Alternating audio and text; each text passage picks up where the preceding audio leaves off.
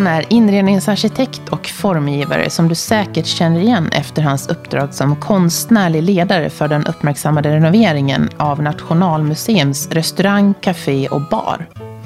Ett otroligt projekt där några av Sveriges främsta formgivare varit med och skapat unik inredning. Uppväxt i Värmland med glaskonstnärer som föräldrar är det kanske inte heller konstigt att han skapat många klassiker för bland annat finska Ittala. I veckans avsnitt samtalar vi om allt det här, men även skillnaden med att arbeta i Sverige och utomlands. Välkommen till Inredningspodden, Matti Klenell. Tack så mycket. Det här, är ju, det här är ju spännande. Ja. Vi har ju försökt, jag, eller jag har försökt få dig som gäst under ganska lång tid ju. Ja, det har du ju faktiskt. Det har du ju faktiskt. Ja. Och nu är jag här. Nu är jag, och jag är här. Ja. I din studio. Du är ju, för de som inte känner till dig, eh, både inredningsarkitekt, möbelformgivare, glaskonstnär. Skyller du allting på din uppväxt? Uh, ja, nej inte allt, men ganska mycket tror jag. Det hänger nog ihop med uppväxten. Uh, och så. Jag kommer ju från en familj där, där många håller på med kreativa saker. Föräldrar som är glaskonstnärer och, och, och en bror som är glaskonstnär och jag har eh, ytterligare en bror som är musikproducent och ytterligare en bror som är kulturredaktör. Så att man kommer väl från ett liksom kulturellt hem i alla fall. Och, och ja, arv och miljö spelar väl in i valet som man gör eh, med sitt yrke. Så är det ju. Var du mycket i dina föräldrars, hade de en glas, vad kallar man det, glasstudio eller en, en verkstad eller? Ja, en glashytta. Ja, hytta. Eh, ja, det var jag ju. Eh, fast jag försökte faktiskt undvika den så mycket jag kunde. Alltså, för jag var nog aldrig så intresserad av glas egentligen. Eh, Eller så. Jag tyckte nog, det blev ju det där när man, ja, återigen med arv och miljö, när man växer upp i en miljö så blir, finns det ju också den där sidan av att man slår bakut. Man vill göra någonting helt annat än vad ens föräldrar gör. Och jag tror att glashyttan för mig, den var ju liksom, den bara fanns där varje dag. Och glaset bara fanns där varje dag. Man, man åt liksom krossat glas till frukost kändes det som. Så här. Och jag, jag var nog aldrig så, så intresserad av det, men man hjälpte till ibland och man var där ute och hängde. Och så när man kom hem från skolan så där, eh, och såg allting. Och det där är ju det har man ju med sig idag tror jag väldigt mycket. Utan att, jag menar, jag ville bli fotbollsproffs när jag satt där ute. Eller jobba ja, som journalist var ju jättespännande tyckte jag. Den typen av jobb. Och, och att jag skulle hålla på med glas när jag sen blev vuxen, det, det, fanns inte på kartan överhuvudtaget. Men när jag väl började jobba med glas så märkte jag ju att alla de där timmarna som man hade suttit och och, och, och, och, trulat på någon pall i glashyttan och tittat på när ens föräldrar arbetar eller liksom sett den här miljön och sett materialet. Det, det satt nog ganska djupt tror jag och gjorde att man hade ganska lätt att gå in i en glashytta till exempel då och mm. jobba. Och det gäller ju tror jag också för det kreativa i stort. Liksom sådär. Att kommer du från den typen av hem så, så har du med dig någonting, ett förhållningssätt till hur man arbetar kreativt, hur man lever ett kreativt liv tror jag. Som gjorde att det var ju inte heller ett särskilt stort steg att ta och söka sig i den riktningen. Även om jag från början valde ett helt annat spår än mina vad, föräldrar. Vad valde du för spår då? Men jag, jag, du vet hur det är när man går kanske i gymnasiet. Man letar efter vad ska jag göra då? så där ska jag, ska jag öppna restaurang? För jag jobbade mycket i den världen. Eller ska jag eh, jobba med journalistik? För det tyckte jag också var intressant. Och så här, eh, eller ska jag eh, göra något annat? Och jag tyckte väldigt mycket om att rita och måla. Det var väl någonting som man hade fått med sig. Och teckna och jobba liksom konst med konst. Fast inte så. Så började man titta och så upptäckte man att men titta, arkitektur är ju spännande. Och där tror jag kanske att det finns det där du vet att man man vill både ta det där steget ut i någon sorts frihet men man vill också hitta ett jobb där det finns ett möjlighet att backa och hitta någon sorts trygghet. Och sakta men säkert så börjar väl liksom ögonen närma sig arkitekturskolan och konstfack och HDK i Göteborg. Att ja, men det där är kanske spännande. Formgivning och arkitektur, rum, föremål. Så. Och så sökte jag eh, och kom inte in. Men fick ändå någon sorts liksom uppskattning för ansökningsproverna från skolorna. Vilket gjorde att jag började liksom eh, gå på förberedande konstutbildningar. Och då drogs jag in ganska fort faktiskt i liksom den där världen. Mm. Och sen var du fast? Ja, jag tror det. Sådär. Eller liksom man märkte att man känner sig bekväm i det här sammanhanget. Och sen kom jag in på Konstfack. Eh, på linjen för inredningsarkitektur och möbeldesign. Och det var väl lite grann det där att jag visste väl inte vad jag ville välja vid det eh, till skedet i livet. Ville jag jobba med arkitektur som jag inte visste vad det var? Eller ville jag jobba med möbelformgivning och produktformgivning som jag inte visste vad det var? Och så fanns det en utbildning där i mitten som helt plötsligt sa kom hit och var här. Och då sa jag ja, det gör jag. Och bodde i Göteborg vid den tiden eh, och pluggade där. Men bestämde mig för att flytta till Stockholm och börja på Konstfack. Ja, och sen har du jobbat med det här i en massa år nu faktiskt. Mm. Känner du att det finns en röd tråd i, din, i ditt arbete?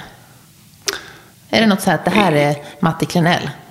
Inte sen dess tror jag. Alltså när man, alltså när man är så ung så kanske man då...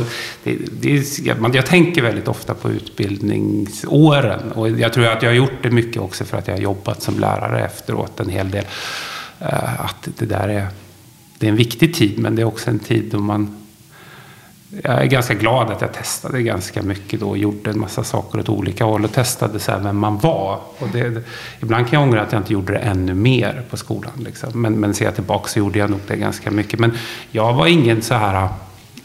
Jag tror jag var ganska långsam i startblocken, eller vad man ska säga, på, på skolan. Jag var väl liksom inte eh, klassetta på något vis. Jag hade liksom aldrig snickrat tidigare. Och det första man fick göra på Konstfack var att gå en månadslång kurs i snickeri, möbelsnickeri, vilket var fantastiskt på alla sätt. Liksom. Men det var ju också så här en helt ny värld. Och jag hade aldrig ritat en ritning. Och jag, vet, någonstans så var jag ganska långt ifrån just den där delen av liksom, eh, eh, kreativa yrken eller liksom arkitekturen på det sättet. Eh, men långsamt så hittade jag väl liksom in i vad vad, vad, vad det här gick ut på och hur man kunde jobba och förhålla sig och göra.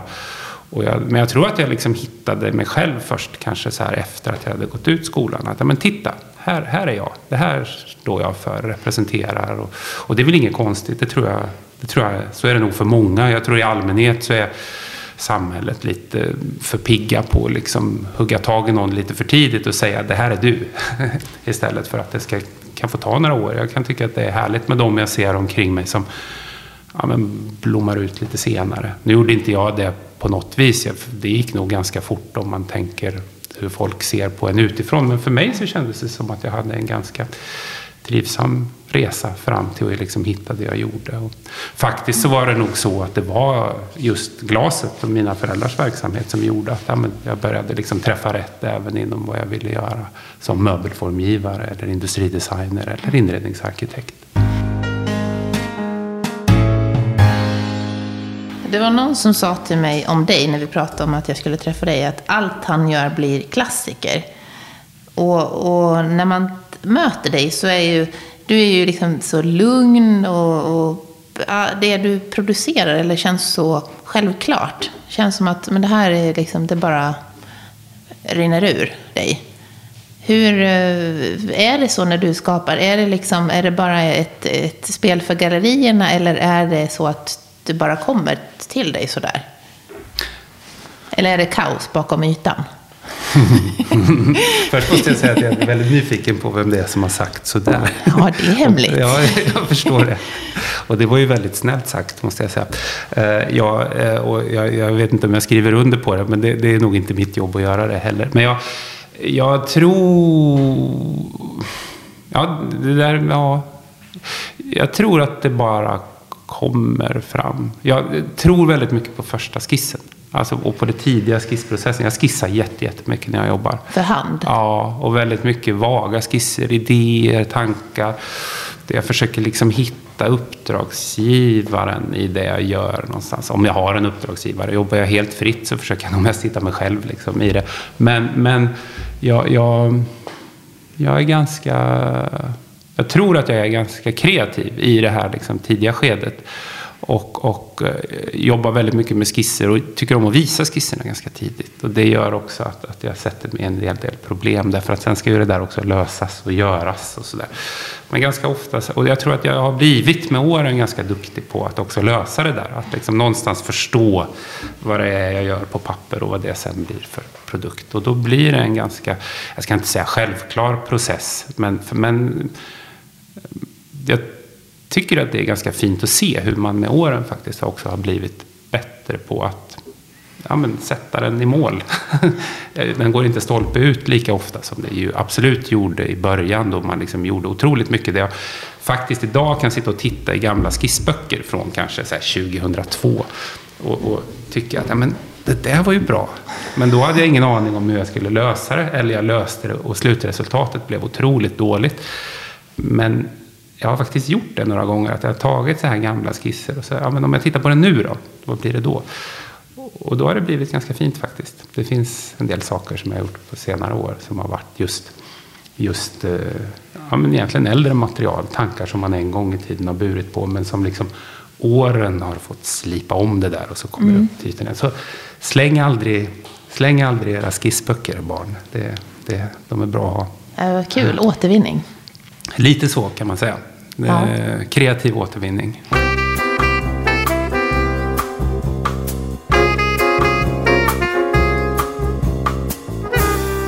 Du jobbar ju en del utomlands nu. Du har ju jobbat i Taiwan. Mm. Det är ju lite annorlunda.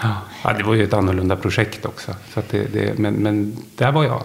Och, och ja, det är ju många formgivare och arkitekter och konstnärer som jobbar internationellt idag. Och jag gör inte det jättemycket, men en del har det blivit och det har varit väldigt viktigt för min del. Och, och, jag tycker att det är välgörande även för projekt som jag gör i Sverige därför att man får andra synsätt på både den kreativa processen och också den, den, den ehm, vad ska man säga, produktiva processen, mm. eller utförandedelen. Liksom. Man jobbar på väldigt olika sätt på olika platser och jag är också lite intresserad av det. Och Taiwan var ju väldigt mycket ett sådant exempel då man hamnade väldigt så här okunnig och blåögd i en ny kontext och skulle göra sin grej eh, och, och, och kom ut någon annanstans kan man ju lugnt säga. Så där. Väldigt roligt. Hur upplever du att, eh, att, att, att skandinavisk design, upp, hur upplevs den utomlands? Hur tas du emot sådär och hur, vad, vad får du för intryck? Vad, eller snarare, vad har de för intryck av oss? Ja, jag tror att det...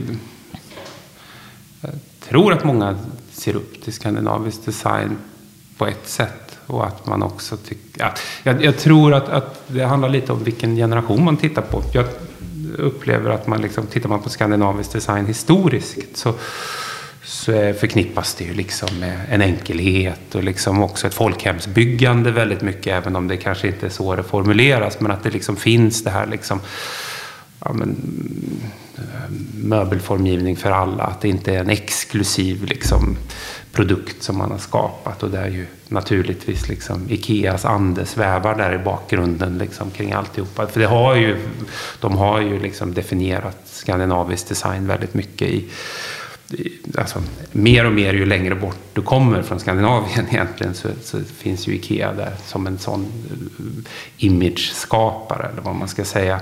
Eh, men sen så tror jag också att det finns en annan sida där man ser på skandinavisk samtida design och den tror jag man tittar på lite annorlunda. Och det, det handlar väl liksom kanske att den där liksom enkelheten och, och vardagligheten finns kvar men att den också har setts som väldigt vital skulle jag säga de senaste 15 åren. Jag tror att jag är lyckligt lottad på det sättet att jag har tillhört en generation som har liksom blivit formgivare i samma liksom, eh, andetag som nya väldigt duktiga producenter har dykt upp från Skandinavien som också på många sätt har liksom omformat bilden av skandinavisk formgivning. Jag tänker naturligtvis på Muto till exempel, Hej och den typen av företag, framförallt i Danmark, som de har ju ändrat liksom synen på skandinavisk formgivning och på vad en skandinavisk formgivare representerar. Och det där är ju inte så konstigt att du får möta eller förhålla dig till när du, när du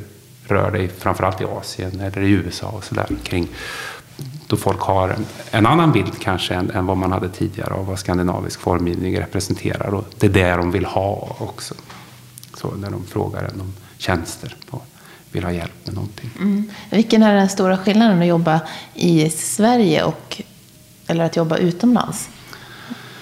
Uh, jag, faktiskt så tror jag, jag, jag, vet inte om det är sant, men jag, jag kan känna ganska ofta att det är ja, men konsensustänket som vi är kända för i Sverige. Det, jag tror att det stämmer. Alltså så att när du jobbar med ett svenskt företag så är det, och det är inte så i alla fall, men i ganska många fall, så det är många som är med och tycker och bestämmer och, och, och ska ha åsikter och innan man liksom sätter igång någonting och gör någonting och också under processen för att liksom se hur ska det här lanseras och marknadsföras.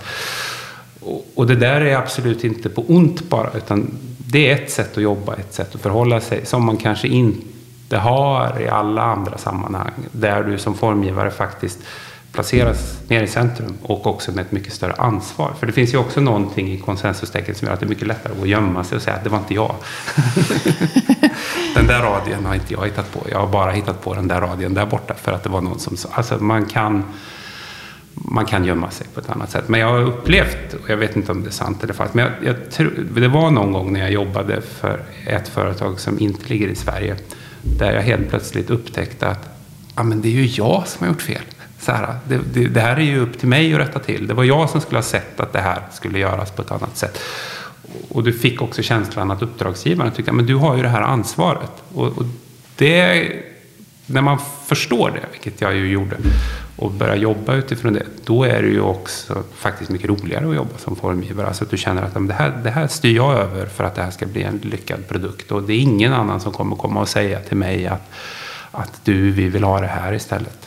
Och nu gör vi så här. Men återigen, det här är liksom inte applicerbart på allting. Alla företag utomlands till exempel, eller alla företag i Sverige. Men det är lite grann en skillnad där tycker jag. Och jag, jag, jag tror att jag kan jobba, eller jag tycker om att jobba utifrån båda förutsättningarna. Men det där är ju väldigt viktigt som formgivare, eller i alla yrkesroller oavsett yrke, att man lär sig förstå just liksom, ja, men kulturella koder inom ett företag eller hos en uppdragsgivare, hur man, hur man brukar jobba. Liksom. Många i Norden känner nog igen de produkterna som du har skapat för till exempel Ittala. Mm. Eh, jag vet inte hur vi ska beskriva Nappula. Nej. Eller Nappola. Eller Lempi. En knopp. Ja. Som du har fått den här Red Dot Design Award för. Ja. Men ehm, ja, det får vi helt enkelt lägga ut lite bilder på så man ser vad det är. För alla känner ju faktiskt igen din ljusstake nästan. För den finns ju över hela Sverige. I varenda presentbutik finns den ju. Ja. ja den har fått en väldig spridning genom åren. Uh, Itala är ju ett sånt företag också där du når ut till folk på ett väldigt roligt sätt. Alltså de finns på, i många sammanhang och när jag började jobba med dem så var det nytt för mig. Alltså det där att du kunde få e-post från människor som, som använde ditt dricksglas och ville skriva att de tyckte att det var fint och bra. Så här. Och det händer ju inte så ofta att man får det. Men när man gör saker där så kan det hända och det är väldigt kul. Kul. Förstås. Men du jobbar ju brett också med material och det du formar. Mm. Är det någonting som du känner nu att nej, det här är ett område som är ett svart hål. Det här skulle jag vilja jobba med mer? Eller börja jobba med något helt nytt? Ja, fast jag, det är lite som du säger, jag jobbar så brett så att jag, jag har nog... Det här kommer inte jag följa, men jag har nog på sistone tänkt mer att nu borde jag börja begränsa mig. Du vet så här att ja, men jag kanske bara ska jobba i trä i ett år nu. Men jag tycker ju att det är väldigt eh, spännande att jobba med olika typer av materialitet inom olika områden. Jag, jag ser ju mig själv framför allt som en... Alltså jag ser mitt formgivaryrket inte så mycket som att jag är duktig på ett visst typ av material eller ett visst typ av område. Utan att en formgivare är ju väldigt mycket en person som ska vara duktig på att ställa rätt frågor. Och att liksom kunna analysera en produktionsprocess. Eller så här. Eh, och, och, att utifrån liksom den analysen också kunna leverera ett resultat tillsammans med andra. Och så att det är ju den liksom kreativa sidan som jag tror att jag är stark på och duktig på att använda. Att jag kan jobba oavsett material. Sen så om jag får en fråga och göra någonting som jag aldrig har gjort förut i ett material, som jag aldrig, då tänker jag några gånger extra. För det är ju inte, man går ju in i ett sådant projekt med en annan det är lite uppförsbacke kan man säga i början för att liksom förstå allting i i, inom ett nytt område som du jobbar med. Medan om jag skulle göra någonting i glas så är det ju enklare på något vis. Man kan läsa av förutsättningarna mycket fortare. Så att jag, jag har ju några nya områden som jag liksom är nyfiken på och som, som jag har fått smaka på på sistone och tänkt att men det där skulle man ju vilja kunna mer om men jag är lite rädd för dem. Jag skulle väl, lite, du måste ju avslöja vilka områden Ja, nej, men jag tycker att det skulle vara spännande att jobba mer med textila material. Alltså textil. Men jag är inte särskilt begåvad inom området och jag har en otrolig respekt för dem som är duktiga på det. Det ligger ju väldigt nära det jag gör med möbler och så vidare. Så, så det är ju ett, ett, område som man borde fördjupa sig mer i. Det ser jag ju liksom att men det här skulle jag åtminstone vilja kunna mer om. Och nu har jag fått liksom möjligheten att, att närma mig liksom väveriet på något vis. Men jag har inte bestämt mig än om jag ska stanna på läktaren och titta eller om jag ska ge mig in och försöka liksom göra någonting med, med materialet och produktionstekniken. Ja, spännande. Mm, spännande.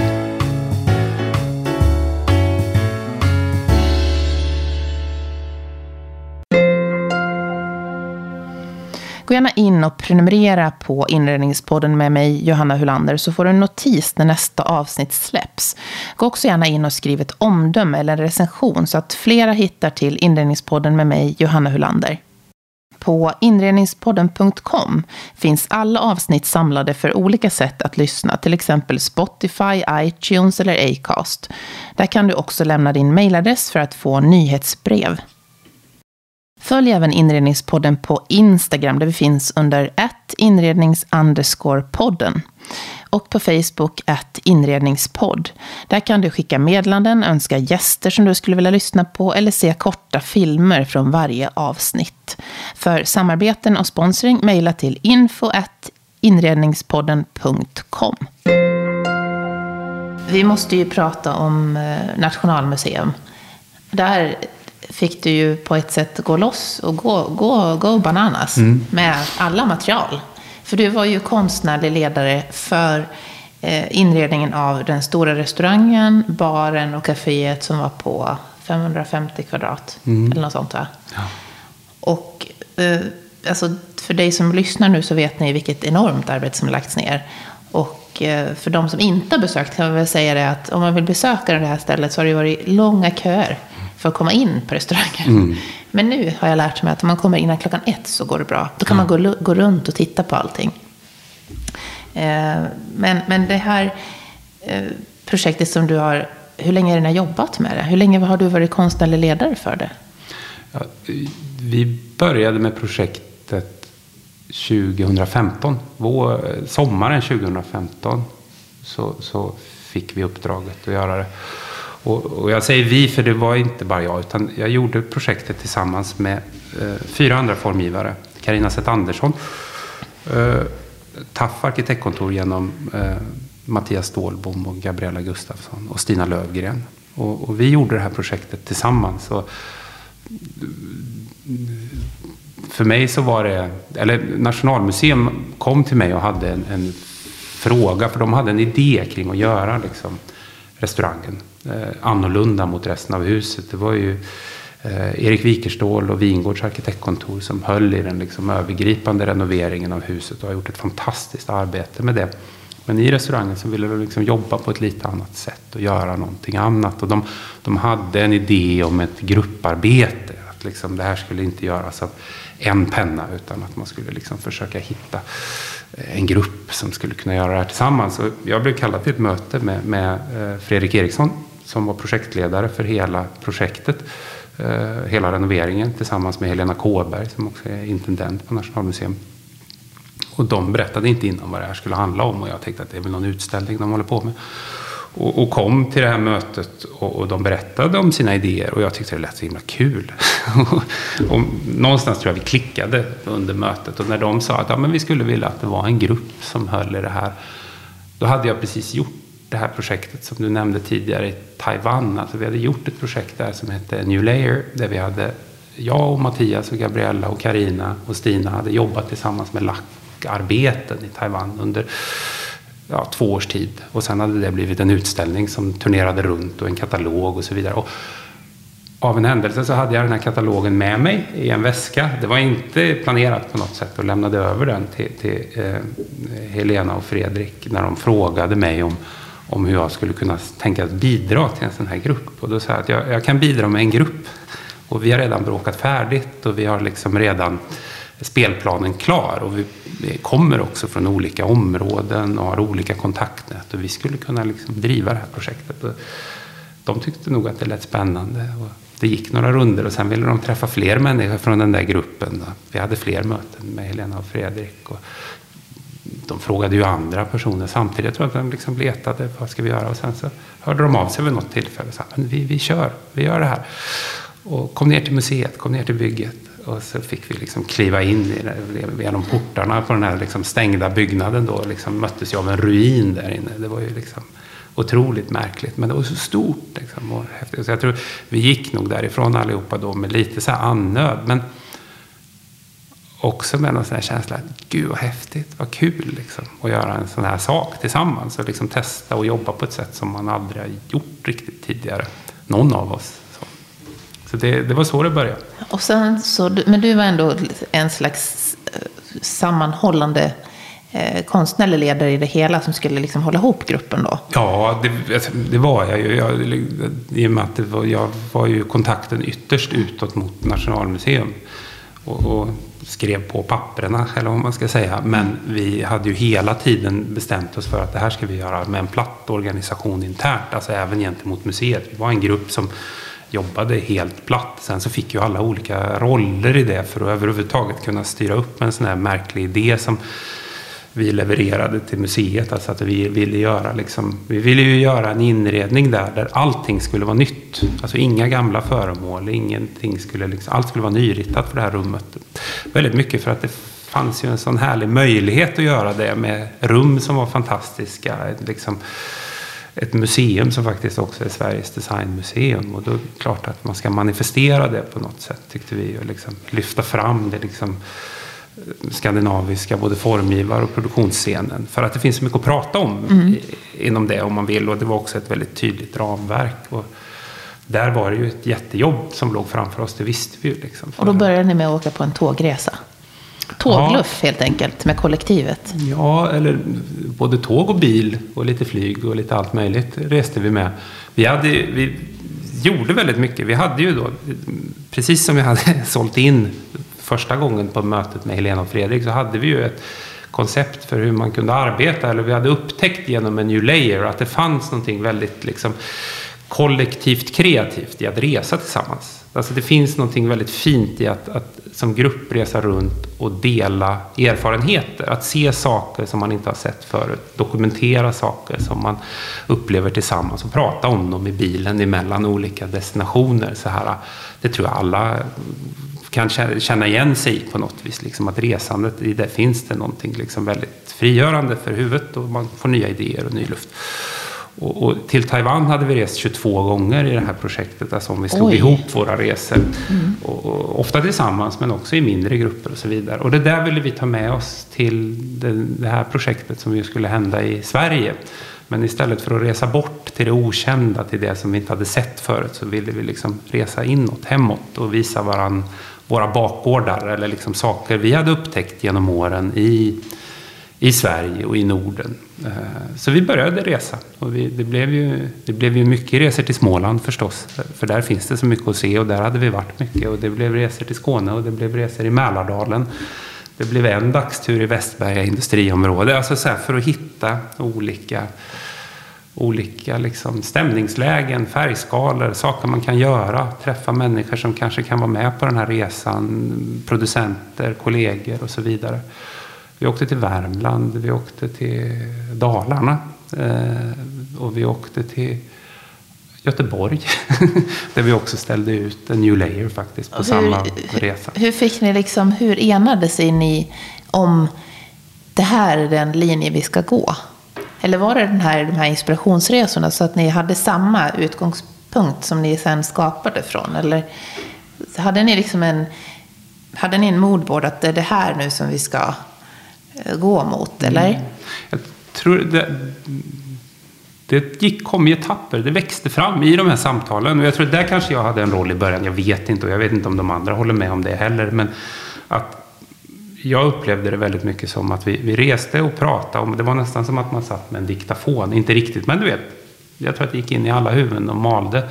Och mitt jobb i början var kanske liksom att bara samla ihop intrycken som jag tyckte att jag hade hört. Eller liksom vad har vi pratat om? Vad vi, vilka spår har vi varit inne på? Och så försöka formulera det i enkla skisser, idéer, kanske materialprover som absolut inte var det som sen blev eller färdiga. Och så lägga upp det på ett bord här i ateljén. Och sen kom de andra och tittade och så fick man liksom ehm, hade man det som fortsatt diskussionsunderlag. Och det var liksom så det växte fram. att Det var som att man flyttade spelpjäser på den här planritningen och skissbordet liksom, med olika typer av ja, men, reseminnen som folk hade haft med sig hem från, från olika eh, fabriker och grejer. som man ställde in material, idéer, tankar, bilder och så vidare. Och efter ett tag så började man väl liksom höra vad man pratade om. Att, ja, men vad är det vi samtalar om egentligen hela tiden? Här? Vad är det vi vill uppnå? Och, och, och det, det kom att handla om väldigt mycket var just liksom det konstnärliga rummet, det skapande rummet och museet som plats där man ju visar mästerverk av liksom konstnärer och formgivare från flera århundraden. Det är liksom, huset är fullt av det. Och att restaurangen kanske ska få vara en plats som handlar mer om nuet. Alltså när saker blir till. Hur blir saker till? Hur skapas ett mästerverk? Eller hur, hur ser en konstnärlig process ut? Kan vi liksom bygga en inredning kring det? För i det finns det ju liksom både en estetik men det finns också en materialitet som du kan använda som spelplan. Och vi vill ju också bjuda in flera formgivare i projektet för att kunna göra den här jättestora kollektionen. Och då tyckte vi också att det var ett ganska passande liksom, tema därför att det, det är någonting som alla du bjuder in kan också relatera till när du ger dem en brief eller en förfrågan. Kan du arbeta med besticken till exempel? Och vi skulle vilja att det kretsade kring det här istället för att man säger gör, gör bestick så ser vi om vi tycker om dem. Eh, så att det gav liksom ett fokus och det gav också ett ramverk som var väldigt eh, nyttigt att ha förstås. Så att inredningen, om man tittar på den, så den har väldigt mycket element av kanske det ofärdiga. Alltså att, att man inte får riktigt säker än. Det är ju så liksom en konstnärlig process ser ut också. Att, ja, men ska det vara så här högt eller så här högt, så här brett eller så här smalt? Eller ska det vara blankt eller matt? Ska vi måla med en färg eller behålla trärent? Ska det vara liksom en struktur eller inte? Så väldigt mycket i inredningen handlar om den konstnärliga processen, görandet, vägen fram till något slutgiltigt.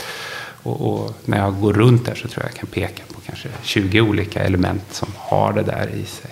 Men totalt involverade ni, var det 32 formgivare? Jag tror faktiskt att det är ännu fler, fast jag tappar räkningen vid 32 eller något sånt. Alltså, Ja. Ett 40-tal? Men, nej, men jag skulle säga, vi säger 32. Det kanske var någon som droppade av åt andra hållet. Men, så jag tror 32 är officiell summa. Men, men frågar man museet som faktiskt har en väldigt bra eh, förstås katalogisering på hela det här projektet så finns det nog en summa som är ännu mer korrekt på antalet Men, men eh, ärligt talat, hur sjutton gör man för att hålla ihop så många viljor? Mm, ja. Det måste ju vara ganska bökigt att rodda med det kan ju spreta. Mm. Jag tror att vi, det, det var flera saker som gjorde att det gick. För det är ju svårt, det visste vi också. Men dels så tror jag att vi eh, själva tyckte att det var spännande och kul. Det var inte att vi hade något motstånd. Det var liksom en idé. Åh, se, kul att se hur det här går. Och hur ska vi göra? Ingen aning. Så vi testade väl olika metoder för att liksom få det att fungera. Och en grej som var väldigt bra tror jag var att vi, liksom, vi bjöd inte in alla 32 på en gång. Utan vi tog det i små etapper så får vi se hur det här går. Liksom. Och vad händer med med projektet om vi frågar fem personer till. Så att vi, vi hade liksom, vad, vad, vi gjorde var dels, vi ritade ju upp hela inredningen och vi visste ju precis vad vi ville ha. Alltså här ska det vara barstolar som inte har några ryggar, här ska det vara det här och det här. Här ska det vara den här typen av belysning och så vidare.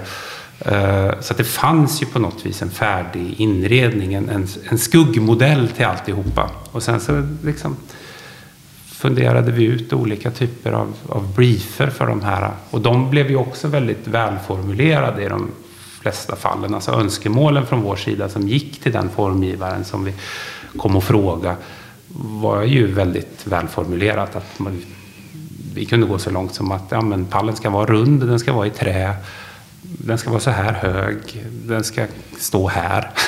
Vad tydliga direktiv Ja, jag tror att det handlade mm. väldigt mycket om tydlighet och det mm. handlade väldigt mycket om att inte ta in alla på en gång. Och återigen, vi, hade ju, vi fick ju uppdraget 2015 och vi hade tre år på oss, så tiden var ju också lite grann till våran fördel. Alltså det var inte den där typen av projekt att man, som det ofta kan vara, att ja, men släng ihop något, vi vill vara klara om fyra månader. Utan eh, projektledningen var helt fantastisk på museet. Man ville verkligen göra något bra. Man gav, tror jag, de flesta som jobbade i projektet som helhet faktiskt tid att göra bra saker. Alltså att man, även där fanns det en väldigt tydlighet och frihet under ansvar och en tydlighet i vad du hade för frihet också på något vis. Ehm, och det tror jag skapade förutsättningar för att man kunde ta in så många och sen på slutet så var det väl liksom också vissa så panikåtgärder. Att oh, vi måste fixa det här och vi hinner inte själva. Vi får, finns det någon som skulle kunna hjälpa oss med den här biten för att göra det och skulle tycka att det var spännande.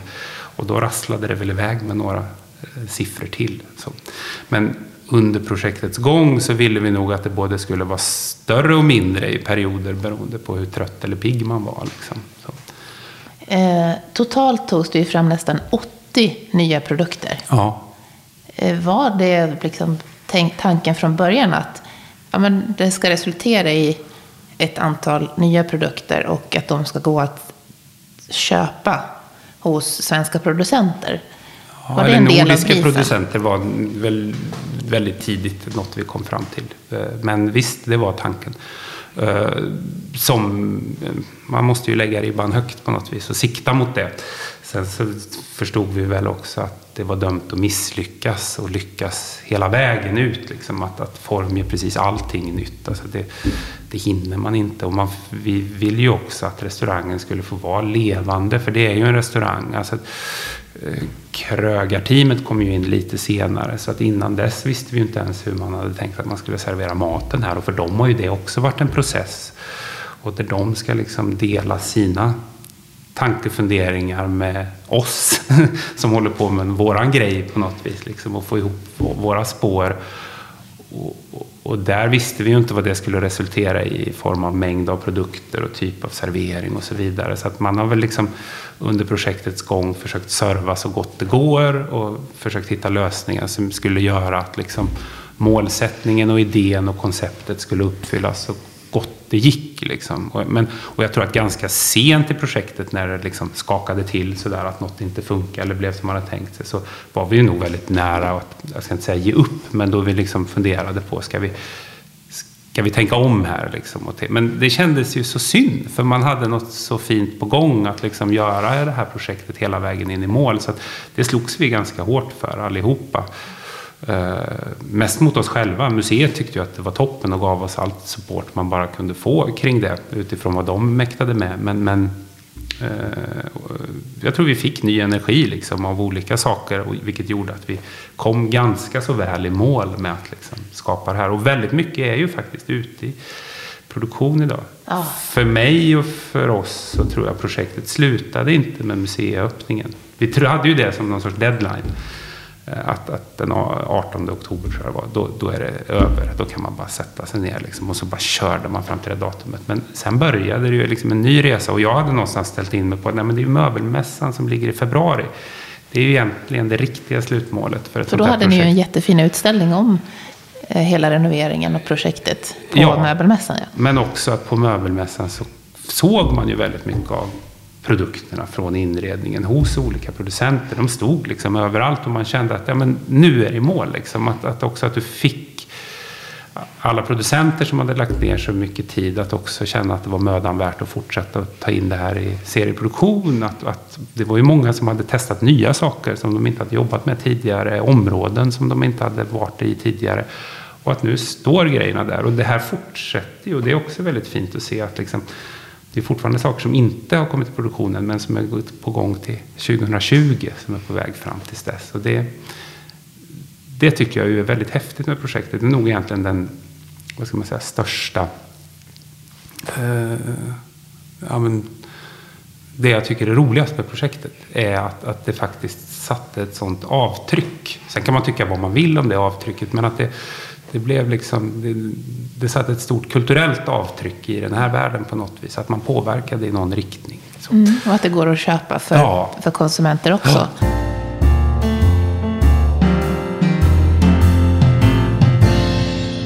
Men allt tillverkas ju inte i Sverige. Nej. Utan det tillverkas på, över hela världen. Ja. Hur, tycker du om, hur ser du på det? Att det, är, att det tillverkas så, att det inte hålls inom Norden? Ja, eh, det är ju så det fungerar idag när man jobbar med, med möbelproduktion. Jag, jag, vi hade liksom kunnat sätta upp vilken liksom gränsdragning vi ville och sen hade det ändå liksom skvimpat över utanför den sen när sakerna skulle serieproduceras. Uh, och, och, jag ser väl det mer som att liksom, det, det är en ganska naturlig det är så det alltid har sett ut. Det är också samma sak om du går upp och tittar i museets samlingar. Den på, innehåller ju lika mycket liksom fransk konst som nordisk konst. Det finns lika mycket, lika mycket Rembrandt som, som Zorn, eller vad man ska säga, i museibyggnaden. Och det är väl så det alltid har varit. Det har alltid varit en, en liksom växelverkan mellan vårt centrum, där vi är, och, och omvärlden utanför. Jag tycker det finns ju ett projekt i vårt projekt som belyser det där ganska mycket. Och det är, vi gjorde, jag och Karina gjorde rottingmöbler med Larsson korvmakare i Gamla stan. Det var ett fantastiskt projekt och en ynnest att få jobba med dem. Och det, det är så extremt lokalproducerat. Vi kunde ju liksom ta möblerna under armen och bära dem till museet när det var klart. Liksom gick via slottet. Och så här. Fantastiskt den är ju härligt. fantastiskt ja, vacker blev den också. Men materialet kommer ju från, från Indonesien. Alltså så här, det är ju återigen någonting som är importerat då. Liksom. Mm. Och, och, jag tyckte det var ju så intressant i projektet som man reflekterade rätt mycket över. Vad är egentligen lokal produktion? Är det idéskapandet? Är det tillverkningen? Eller är det, är, är det liksom uttrycket på föremålet? Och, och, jag har nog inte blivit riktigt klok på det än. För det, det, men en sak som jag tror i något skede av projektet så kände jag att det det inte får bli, det är också ett projekt där man sitter och liksom slår sig för bröstet över att man är svensk. Att liksom, för det är ju någon del i, tycker jag, så här, äh, konsthistorien och mm, politisk historia som man inte är jättestolt över. Eller jag vill inte liksom jobba i ett sådant sammanhang där det handlar om att liksom manifestera en nation på det sättet. Utan jag tycker att det är intressantare om i så fall manifestera nationen i växelverkan eller i kontakt med en omvärld och liksom resonera kring vad den kontakten är. Att vi faktiskt lever i ett större sammanhang. Liksom. Så att vi, vi pratade väldigt mycket om det. Vi funderade väldigt mycket kring det. Och jag upplevde att väldigt mycket handlade om att det här får inte bli liksom ett nationalistiskt projekt. Utan det ska snarare handla om om ett projekt som beskriver en plats eller beskriver liksom en, en geografisk situation, liksom, eh, en, en, nation. Mm. Men eh, när man läser om eh, inredning så är det många som skriver att det är ett genomsnitt, liksom ett skärsnitt av nutida eh, skandinavisk formgivning. Mm. Kan du känna att, ja men det, hur ser du på det nu? Ser du så här, men det här blev ju, blev ju det? På sätt och vis gjorde det ju det. Men på sätt och vis är det ju också ett isolerat projekt för att det är så tydligt kopplat till en byggnad. Alltså Nationalmuseum som byggnad och arkitektur. Alltså vad kallas det för? Venetiansk nyrenässans byggd på 1860-talet. Och den har inte så mycket koppling till liksom det svenska kulturarvet på något vis. Liksom. Men den byggnaden har ju vi förhållit oss till när vi har ritat föremålen. Och alla formgivare, mer eller mindre, skulle jag säga, gjorde det. Och där det, där är ju, det här är ett krångligt resonemang, men det tycker jag är intressant när man gör en sån satsning utemot, gentemot en specifik byggnad ritad av en tysk arkitekt med italienska liksom, eh, inspirationskällor i Stockholm för 150 år sedan, eller vad det nu blir. Och, och, och sen så kommer vi in och ska göra något samtida i det och tar naturligtvis intryck av den här byggnaden. Och vad kommer ut i andra änden? Och det kom ju ut något ganska märkligt i andra änden också som kanske du inte kan säga att ja, men det här det här är liksom typisk skandinavisk formgivning. Men det kommer ju att påverka skandinavisk formgivning. Eller gör ju det. Eller blir det liksom en del av det på något sätt. Och, och det gör väl projektet ganska speciellt på något sätt. För jag tycker att precis som det här projektet vi gjorde i Taiwan. Där du liksom tog väldigt mycket intryck av en färgskala och en materialitet och ett klimat. Och ett, sätt att leva i de sakerna vi gjorde där så kom ju byggnaden och det här projektet och våra resor i Sverige sammansmälta i någonting som blev väldigt specifikt för både vår tid men också för, för, för den här byggnaden. Och, och jag, jag, är ganska fascinerad av slutresultatet på det sättet för att det, jag, jag kan liksom inte riktigt definiera det. Det blev ganska speciellt trots att det också har den här liksom nordiska vardagligheten. Och där tyckte jag också då att möbelmässan var spännande. För att då hade de flesta producenterna klätt om grejerna, satt på dem nya kläder. Och då blev de ju någonting annat liksom, än den här första bilden av dem. Och då kanske det framträdde mer vad det här faktiskt var. Alltså att det hade utvecklats vidare ett steg till. Men samtidigt kommer ju de här sakerna alltid vara ha en koppling till det där huset på, på Bläsaholmen i Stockholm. Liksom. När, första gången jag var in på, på, i den här delen av museet så blev jag ju helt wow. Liksom. Det var ju verkligen, nu är det ju så mycket folk där jämt så man skulle mm. vilja gå runt i en mindre grupp bara mm. och få riktigt studera allting. Mm. Men det var verkligen en sån wow-upplevelse. Eh, med alla dessa, att man tänker att det är 80 nya produkter som mm. har tagits fram speciellt för den här, mm. för den här Eh, platsen. Men för, dig, för, dig, för de som lyssnar nu som inte har besökt eh, Nationalmuseum och restaurangerna. Vad, vad tycker du att man ska titta på när man kommer dit? Vad är det man inte får missa? Eh, ja, det är så mycket att titta på på något vis. Ändå tycker jag inte att det är så rörigt. Jag tycker ju rummen i stort. Alltså jag måste säga det, vi hade ju otroliga förutsättningar när det gäller liksom rummen som man flyttade in i bara, som ju tidigare var stängda för allmänheten. Eh, några av rummen var väl gallerier när museet öppnade, bland annat det långa kaféet som är 47 meter långt och som vi har delat in i några olika sektioner. Och där vi också har satt in några saker som jag tycker är väldigt fina. Dels så sitter det en spegel nere i fonden som faktiskt är fantastiskt fin, gjord av eh, Jenny Norberg, som var lite så här när man såg det här, den sitter i ett blindfönster i ena änden av rummet. Och när vi såg det där blindfönstret och funderade, väldigt tidigt så dök Jenny upp som liksom eh, någon som man borde våga fråga om att göra någonting här. Hon hade gjort speglar tidigare och vi var lite så inne på ja, men så här fransk bistro vid Gare du Nord. Liksom, med spegelväggar, kan vi inte liksom klä in det på något sätt? Och samtidigt hade vi processtänket med oss. Och Jennys speglar som hon hade gjort tidigare handlade väldigt mycket om att eh, försilvra planglas så att det liksom ser ut som att det nästan är ofärdigt eller det är på väg bort och på väg fram på samma gång. Det finns något mm, väldigt liksom materiellt och taktilt över de här speglarna. Och, och, när man äntligen tog mod till sig och frågade henne och hon gjorde det här, det var ju mm, när hon kom med skisserna och framförallt när hon monterade upp det här så var det helt fantastiskt tycker jag. För den liksom reflekterar hela rummet och samtidigt så liksom löser rummet upp sig i den här spegeln. Det tycker jag är jättefint. Och sen i mitten av det här skeppet, eller galleriet, så hänger det en stor ljuskrona. Som vi gjorde på Glass Factory i Boda. Otroligt fint projekt där vi jobbade. Vi var tio formgivare som jobbade tillsammans. Vi, hade, vi gjorde en kollektion armaturer för Glass Factory kan man säga. Och, och, ljuskronan består av råämnen eller liksom skissmaterial nästan från, från eh, den här processen när vi gjorde den här kollektionen. Vi bjöd in alla formgivarna till en veckolång workshop på plats i Boda. Som ju är ett klassiskt gammalt glasbruk som Glass Factory nu har flyttat in i och liksom förnyat. Och det var väl, fanns väl också någonting större i det, att vi tyckte att det var spännande att jobba tillsammans med någon som Glass Factory som faktiskt är lite grann av en fågel Fenix i det svenska glasriket. Alltså att ett tidigare nedlagt bruk har fått så mycket liv genom en ny institution som har flyttat dit. Jobbar på ett annat sätt, tänker på ett annat sätt i en annan skala men ändå precis lika vitalt. Liksom. Och därför gjorde det att vi flyttade, därför gjorde vi det här projektet tillsammans med dem och, och flyttade ner där en vecka. och, och eh, tog fram den här kronan. Och den då, är ju gigantisk. Ja, den är enorm. Och det är det som är så kul. Man måste ju jobba enormt i Nationalmuseum. För det är så stora rum också.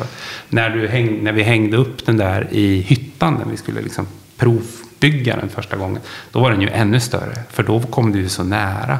Eh, och rummet var mindre. Och på Nationalmuseum så känns den ju ganska välproportionerad mm. i sin enormhet ändå. Men det projektet var, var, Dels tycker jag att det blev väldigt vackert. Det passar rummet, det passar konceptet väldigt bra med just det här liksom ofärdiga, på vägen fram-tänkandet liksom, i det konstnärliga arbetet. Så Men, speglarna och ljuskronan, det ja, får man inte missa? Nej, det får man inte missa. Det är väldigt fint tycker jag. Men det finns jättemycket att titta på. Det finns ett träsnittsskåp, eller ett skåp eh, med, med träsnittstockar som sitter ute i matsalen också bakom baren. Som är också ett sånt här samarbetsprojekt som Stina Lövgren ledde. Stina är ju illustratör och hade jobbat med träsnitt innan. Och det finns ju så vackert med liksom materialiteten bakom det konstnärliga slutresultatet. Alltså själva tryckstocken innan du gör ett liksom färdigt träsnitt. Fanns det något liksom estetiskt intressant i. Så att Stina satte ihop en grupp med illustratörer och sen så uh, tryckte de en upplaga med träsnitt och olika motiv som säljs i butiken på Nationalmuseum. Och när upplagan var tryckt då tog vi tryckstockarna och satte upp som skåpsdörrar här som liksom fondmotiv i matsalen. Och det, det är också en sån projekt Häftigt. som jag tycker speglar projektet väldigt mycket. Egentligen borde ni ha en guidad visning där. Det är svårt, för folk sitter där och äter. Ja, men utanför öppettiderna. Ja, vi hade ju under ett år nästan, så var det ju en utställning i rummet bredvid om projektet. Och det var ju, den var ju, var väldigt fint tycker jag. Och visade ju återigen då arbetet bakom vägen fram. Och det gav också en möjlighet att kunna liksom fördjupa sig i projektet utan att stå i kö till kaffekassan om man inte ville det. Mm. Men, men den utställningen den öppnar faktiskt i Paris om en och en halv vecka. Så att, eller en vecka bara är det ju nu. Ja, just det. Så att den är ju på väg dit.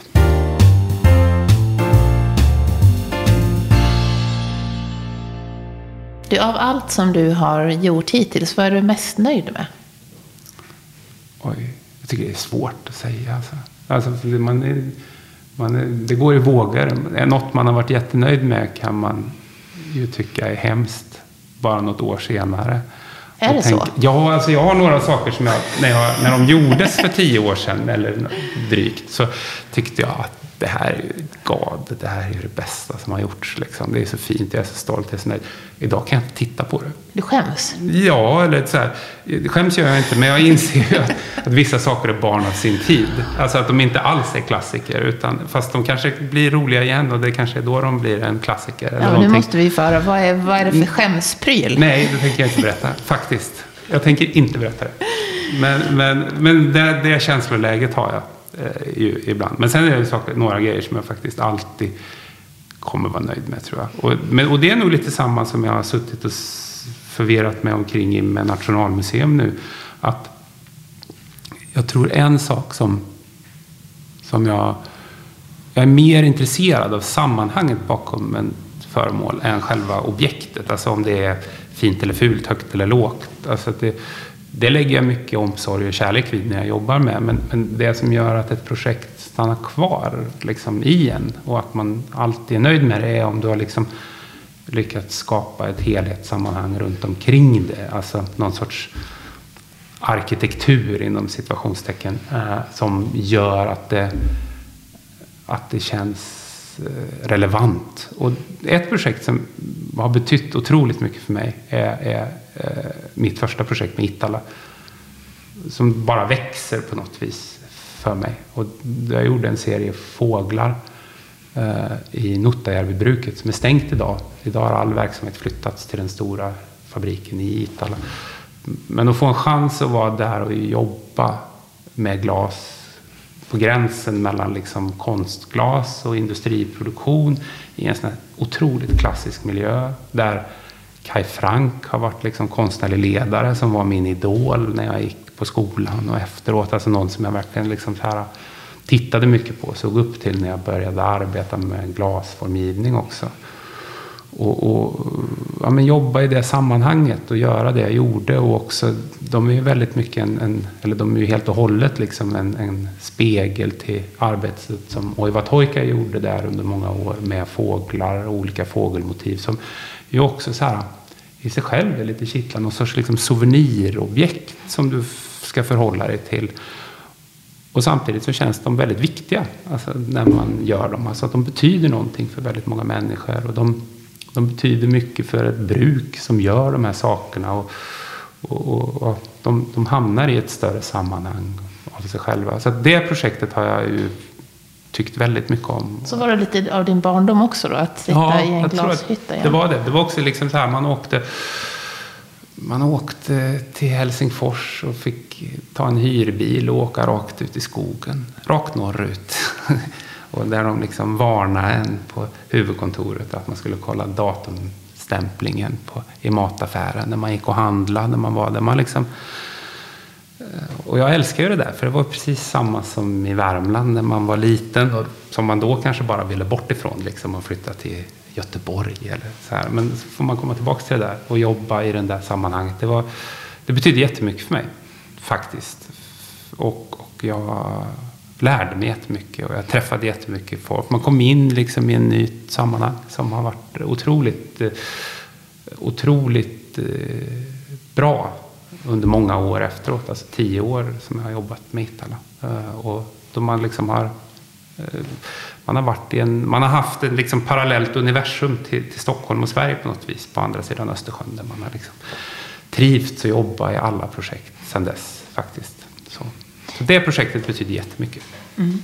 Har du någon fritid det eller lever du i, din, i den här världen? Ja. Enbart? Eller har du något sånt att nej, jag gör något helt annat på fritiden?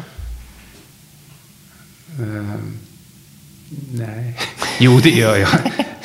Fast jag tycker väldigt mycket är ju kopplat till jobbet när man, när man jobbar som formgivare. Sen kanske man inte jobbar 100% alltid. Liksom. Men eh, ens liv är ju... Och det, men det, så har jag ju vuxit upp också. Man har vuxit upp med föräldrar som jobbar hela tiden.